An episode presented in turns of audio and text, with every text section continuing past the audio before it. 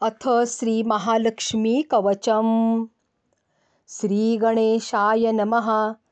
अस्य श्रीमहालक्ष्मीकवचमन्त्रस्य ब्रह्मा ऋषिः गायत्रीछन्दः महालक्ष्मीर्देवता। महालक्ष्मीप्रीत्यर्थं जपे विनियोगः। इन्द्र उवाच। समस्तकवचानां तु तेजस्वी कवचोत्तमम्। आत्मरक्षणम् आरोग्यं सत्यं त्वं ब्रूहि गीष्पते। श्रीगुरुवाच। महालक्ष्म्यास्तु कवचं प्रवक्ष्यामि समासतः। चतुर्दशसु लोकेषु रहस्यं ब्रह्मणोदितं। ब्रह्मोवाच। शिरो मे विष्णुपत्नी च ललाटम् अमृतोद्भवा चक्षुषी सुविशालाक्षी श्रवणे सागराम्बुजा।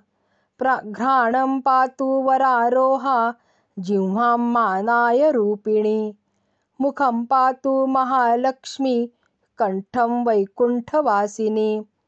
स्कन्धौ मे जानकी पातु भुजो भार्गवनन्दिनी। बाहुद्वौ द्रविणी पातु करो हरिवराङ्गना। वक्षःपातु च श्रीर्देवी हृदयं हरिसुन्दरी।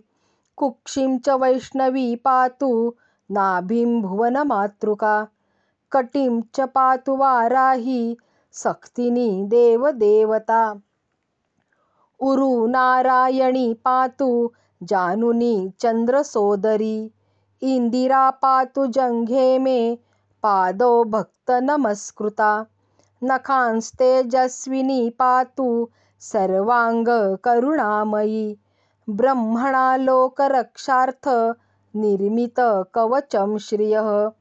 ये पठन्ति महात्मानस्ते च धन्या जगत्त्रये कवचेनावृताङ्गानां जनानां जयदा सदा मातेव सर्वसुखदा भवत्वम् अमरेश्वरी। भूयः सिद्धिमवाप्नोति पूर्वोक्तं ब्रह्मणा स्वयं। लक्ष्मीर्हरिप्रिया पद्मा एतन्नामत्रयं स्मरन्। नामत्रयमिदं जप्ता स याति परमां श्रियं।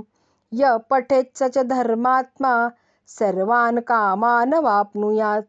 इति श्रीब्रह्मपुराणे इन्द्रोपदिष्टं श्रीमहालक्ष्मीकवचं सम्पूर्णम्